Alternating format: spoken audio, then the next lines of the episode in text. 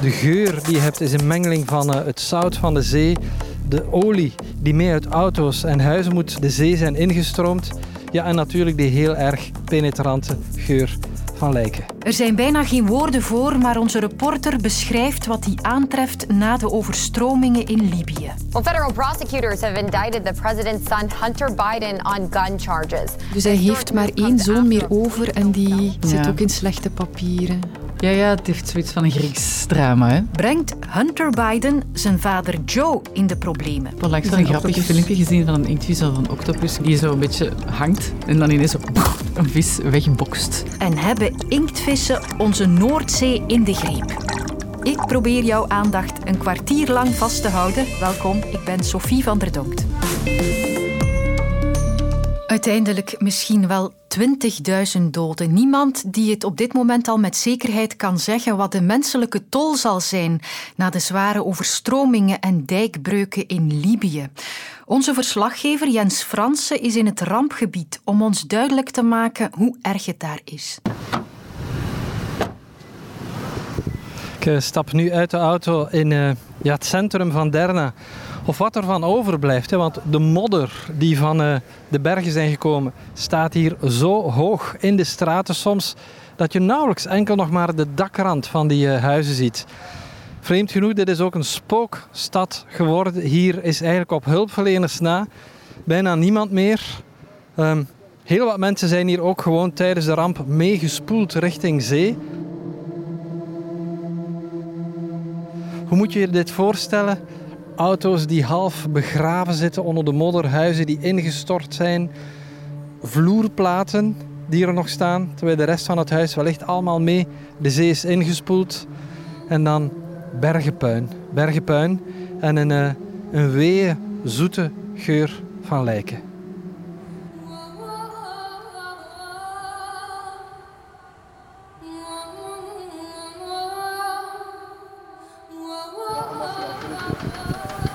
We lopen verder door de, ja, de uitgestorven stad.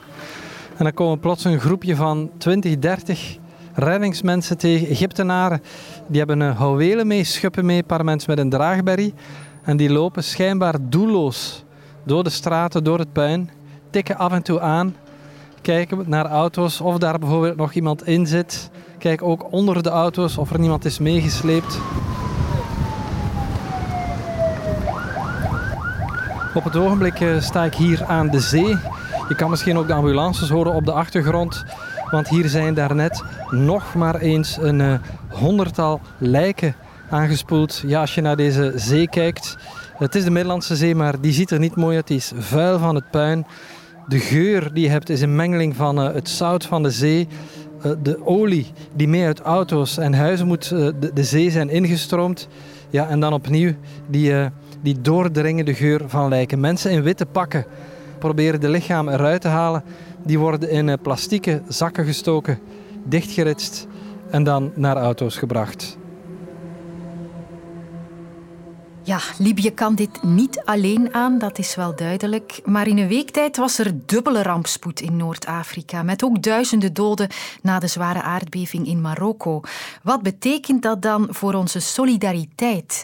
Daarvoor heb ik gebeld met professor Anton van de Velde, eigenlijk al met pensioen. Ik haat het dat ik emeritus ben. Ik had ik kunnen kiezen, dan was ik verder blijven werken. Maar hij is nog altijd verbonden aan het Hoger Instituut voor Wijsbegeerte van de KU Leuven.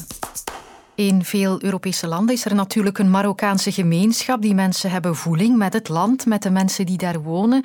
In Libië is dat al veel minder. Gaan we dat merken aan de giften, de solidariteit?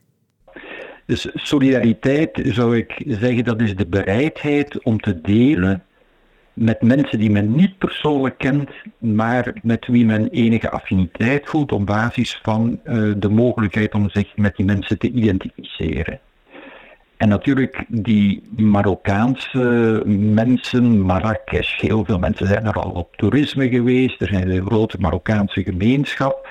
Ehm, Marokko is ook een vrij stabiel land en dat verschilt natuurlijk van Libië, waar uh, ja, een burgeroorlog is, al dat heel instabiel is, waarbij je ook afvraagt van ja, die krijgsgeren die daar heersen, zal die hulp wel toekomen bij de mensen die ze nodig hebben? In de eerste instantie waren er ook geen beelden en dat is vanuit ethisch oogpunt een beetje problematisch, maar het zijn vooral, we ontwikkelen vooral solidariteit met mensen die we herkennen op beelden of waarin we ons herkennen eh, aan de hand van beelden. Dat we daar nu een reporter hebben, dat kan dan ook helpen om de solidariteit een boost te geven. Ja, absoluut. Dat is de, de rol van de pers. Het feit dat wij kennis nemen van lijden van anonieme mensen aan de andere kant van de wereld. Mensen die ook een gezicht krijgen, die een verhaal krijgen.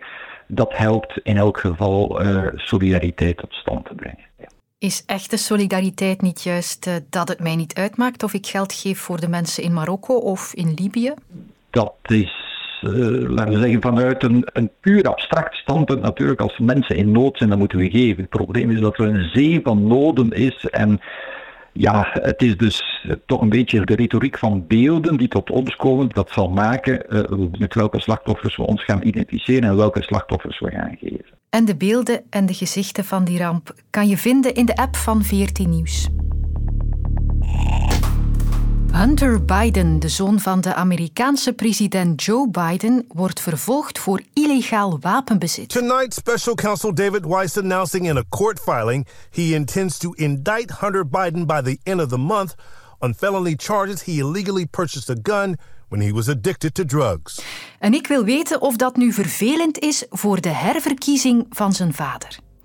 Het begon tragisch natuurlijk voor Hunter, want toen hij nog maar twee was, ging hij met zijn moeder, broer en zus een kerstboom kopen en ze kregen een zwaar verkeersongeval. Zijn moeder en babyzus kwamen daarbij om het leven. Alleen hij en zijn oudere broer Bo overleefden het ongeval. En Hunter bleef altijd wat in de schaduw van die oudere broer. Hij werd verslaafd aan drugs. Er kwam een vechtscheiding met zijn vrouw, met wie hij drie kinderen heeft. En in 2015 stierf zijn grote broer Bo aan een hersentumor, waardoor zijn drugsverslaving helemaal ontspoorde. Hij had een affaire met de weduwe van Bo.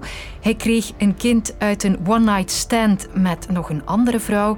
En er was een DNA-onderzoek nodig om Hunter Biden te verplichten om onderhoudsgeld te betalen. Maar ondertussen is Hunter clean, is hij opnieuw getrouwd en heeft hij een zoontje met de naam Bo. Hij schreef een boek over zijn drugsverslaving en hoe hij daarvan afraakte. En ook de relatie met zijn vader Joe is opperbest. Maar wacht,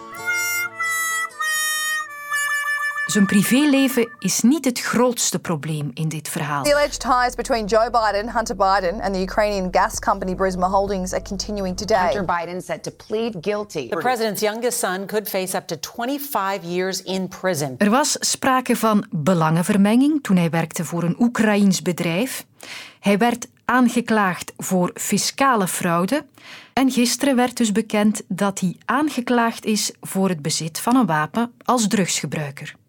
Hoe zit dat nu eigenlijk? Heeft Hunter echt zoveel mispeuterd? Of zijn het de politieke tegenstanders van zijn vader die hem voortdurend in een slecht daglicht willen stellen? En wat betekent dit voor de kansen van Joe Biden om volgend jaar herverkozen te worden? Ik vraag dat gewoon aan Bert de Vloei, onze Amerika-kenner. Hallo. Dag Sophie. Ja, op welke manier zitten hier nu politieke tegenstanders van Biden achter? Ja, dit is een zaak van het gerecht eigenlijk. Hè. Een speciale aanklager die door justitie is aangeduid en die het moet onderzoeken. Kijk, we moeten ervan uitgaan dat het gerecht hier gewoon zijn werk doet zonder politieke druk. Dat is een verschil met het onderzoek wat door Kevin McCarthy, de republikeinse leider in het Huis van Afgevaardigden, deze week is eh, aangekondigd en wordt opgestart naar mogelijke belangenvermenging van Hunter Biden en zelfs Joe Biden bij zakendeals met eh, China en Oekraïne en zo. Dat is natuurlijk wel politiek gemotiveerd. Maar het gerecht doet in deze zaak, die aanklacht rond het wapenbezit van Hunter Biden, gewoon zijn werk. Als we ervan uitgaan dat het gerecht zijn werk doet in het geval van de processen tegen Donald Trump en dat dat correct verloopt, ja, dan moeten we er nu ook van uitgaan dat het ook zo is bij uh, dit onderzoek naar Hunter Biden. Ja, van alles wat we nu opgesomd hebben, die klachten, die beschuldigingen, wat is daar al van bewezen? Van uh, de verdachtmakingen in verband met belangenvermenging of corruptie zelfs, in verband met die zakelijke deals, eigenlijk nog niks. En zeker niet, er is geen enkele aanwijzing in de richting van Joe Biden, of die zijn toch wel flinterdun. Maar dit is natuurlijk wel bewezen, deze aanklacht van het gerecht van de speciale aanklager, dat Hunter Biden gelogen heeft toen hij een wapen kocht in 2018, terwijl hij verslaafd was aan drugs. Ja, dat is eigenlijk bewezen. De discussie nu ook met de advocaat van Hunter Biden gaat eerder over de procedure en of dit nog wel kan vervolgd worden en zo. Maar de grond van de zaak lijkt me hier weinig twijfel over te bestaan. En zou dat dan invloed kunnen hebben op de campagne, op de uitslag zelfs van de verkiezingen? Ik denk dat die toch wel erg lastig begint te worden voor Joe Biden, omdat in de Verenigde Staten ja, de opkomst ook heel belangrijk is. Het betekent niet dat veel onafhankelijke kiezers nu plots van gedacht zullen veranderen en bijvoorbeeld, stel dat Donald Trump de kandidaat wordt, voor Donald Trump zullen stemmen in plaats van voor Joe Biden. Nee, dat misschien niet, maar ze zullen niet voor Trump stemmen, maar ook niet voor Biden. En het gaat er altijd over staat per staat, zoals je weet, door dat kiesysteem, wie de meeste stemmen achter zijn naam krijgt. Als er meer mensen relatief gezien afhaken uh, die misschien eerst voor Biden hadden gestemd en het dan toch niet doen, dan omgekeerd voor Trump of voor een andere republikeinse kandidaat, ja, dan kan dat uh, nadelig zijn voor Biden. En samen met de twijfels die er toch al zijn over zijn leeftijd en over zijn helderheid en zo op zijn leeftijd. En dan dit, denk ik dat hij toch wel schadelijk kan zijn. Ja, de optelsom kan het extra lastig maken voor Joe Biden. Dat denk ik wel. Ja, dat is uh, een goed jaar bezig. Dat dat hier krioelt voor de kust, dat dat blijkbaar volle bak mag gevangen worden. Er is iets aan de hand in onze Noordzee. It slept until man disturbed it. Then it woke with a fury no man could control, rising from the ocean floor to bring destruction. Tentacles en collega Thijs Nijrink is op onderzoek getrokken. Blijkt dat er veel meer inktvissen zwemmen in onze Noordzee. En daarom ben ik dus vandaag al heel vroeg naar de visveiling in Zeebrugge getrokken. Om half zeven al, waar de vangst van onze vissers van gisteravond uh, aan land is gebracht en is klaargemaakt voor de verkoop. En daar bleek ook 1000 kilogram inktvis tussen te zitten dat lijkt misschien veel of niet veel, maar als ik even vergelijk, op topdagen kan dat 40.000 kilogram zijn. Maar als we dan even kijken, uh, dan hebben ze voor zeekat, een van die uh, inktvisachtige um, soorten, dit jaar buiten het seizoen al, want het seizoen is nog niet begonnen, al 1230 ton gevangen. En dat is evenveel als heel 2022. Dus dat toont echt wel aan dat er meer en meer inktvis onze Noordzee zwemt. De Noordzee heeft al goed dienst gedaan tijdens deze warme septembermaand. En wie weet komen we tijdens onze volgende duik een school inktvissen tegen. Ik denk dat dat wel zal meevallen. De, de voortplantingsperiode is volgens mij ook al even gedaan. Dan zitten ze er wel massaal, maar helaas soorten zoals de zeekat, zeker de vrouwtjes, na de voortplanting sterven die. Dus die hebben eigenlijk een heel korte cyclus. Dus het zal wel meevallen. Ik denk niet dat er een complete overpopulatie zit momenteel. Je hoort Sarah Tilquin van Natuurpunt. Ik heb zelf ook een persoonlijke passie voor de zee. Zij kan mij vertellen wat de impact is van al die inktvis op het leven in onze Noordzee. Sowieso is onze Noordzee-natuur al heel hard verstoord. Windmolenparken, zeeboerderijen, scheepvaart, toerisme, visserij. Heel, heel veel activiteit op een klein stukje, waardoor dat dus ook wel heel gevoelig wordt. Wij associëren vaak uh, zo peilingvis en zeekat eerder met warmere landen. Hè. Spanje en zo, daar kun je dat ook vaak als toerist bestellen. Maar nu dat de temperaturen bij ons ook wel gaan opwarmen, uh, door de klimaatverandering merken we inderdaad dat die soorten die meer houden van warmere watertemperaturen, dat die eigenlijk steeds meer opschuiven naar onze Noordzee ook. En daarnaast zijn er ook soorten die eigenlijk meer houden van koudere temperaturen, zoals de kabeljauw. En daarvan merken we dat die eigenlijk meer gaat opschuiven naar het noorden toe. Maar de kabeljauw is ook een van de natuurlijke vijanden van de inktvis. Dus los van dat de condities hier wat beter worden, hè, uh, meer warmere watertemperaturen, um, zijn er ook een paar natuurlijke vijanden die het elders gaan zoeken, waardoor het aantrekkelijk wordt om naar hier te komen. Maar dat hoeft in principe nog geen probleem te zijn. Het is meer dat ja, bepaalde soorten schuiven op andere soorten komen naar hier. En betekent dat nu dat we à volonté calamaris en inktvis op het menu kunnen zetten? Wat gaan we maken? Een lekkere salade met inktvis. Enerzijds zou ik zeggen, uh, het is zeker iets, iets positiefs. Je mocht zeker uh, een inktvisje eten. Maar langs de andere kant moeten we wel opletten dat we nu niet te enthousiast opeens alle inktvis uit de zee gaan halen. En dat we via het beleid eigenlijk zorgen dat er ook wel quota is en dat er regels worden opgelegd.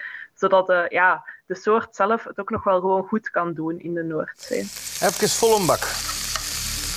Niet te veel inwisselen, alstublieft. Dankjewel Jeroen. En ik begrijp dat die inktvis nu gewoon uit de Noordzee kan komen en niet per se uit Spaanse wateren. Tot volgende week. Luister ook naar de nieuwe aflevering van de podcast De Verdwijning van Britta Kloetens. Over hoe er twaalf jaar na haar verdwijning toch nog een doorbraak kwam. Nu in de app van VRT Nieuws.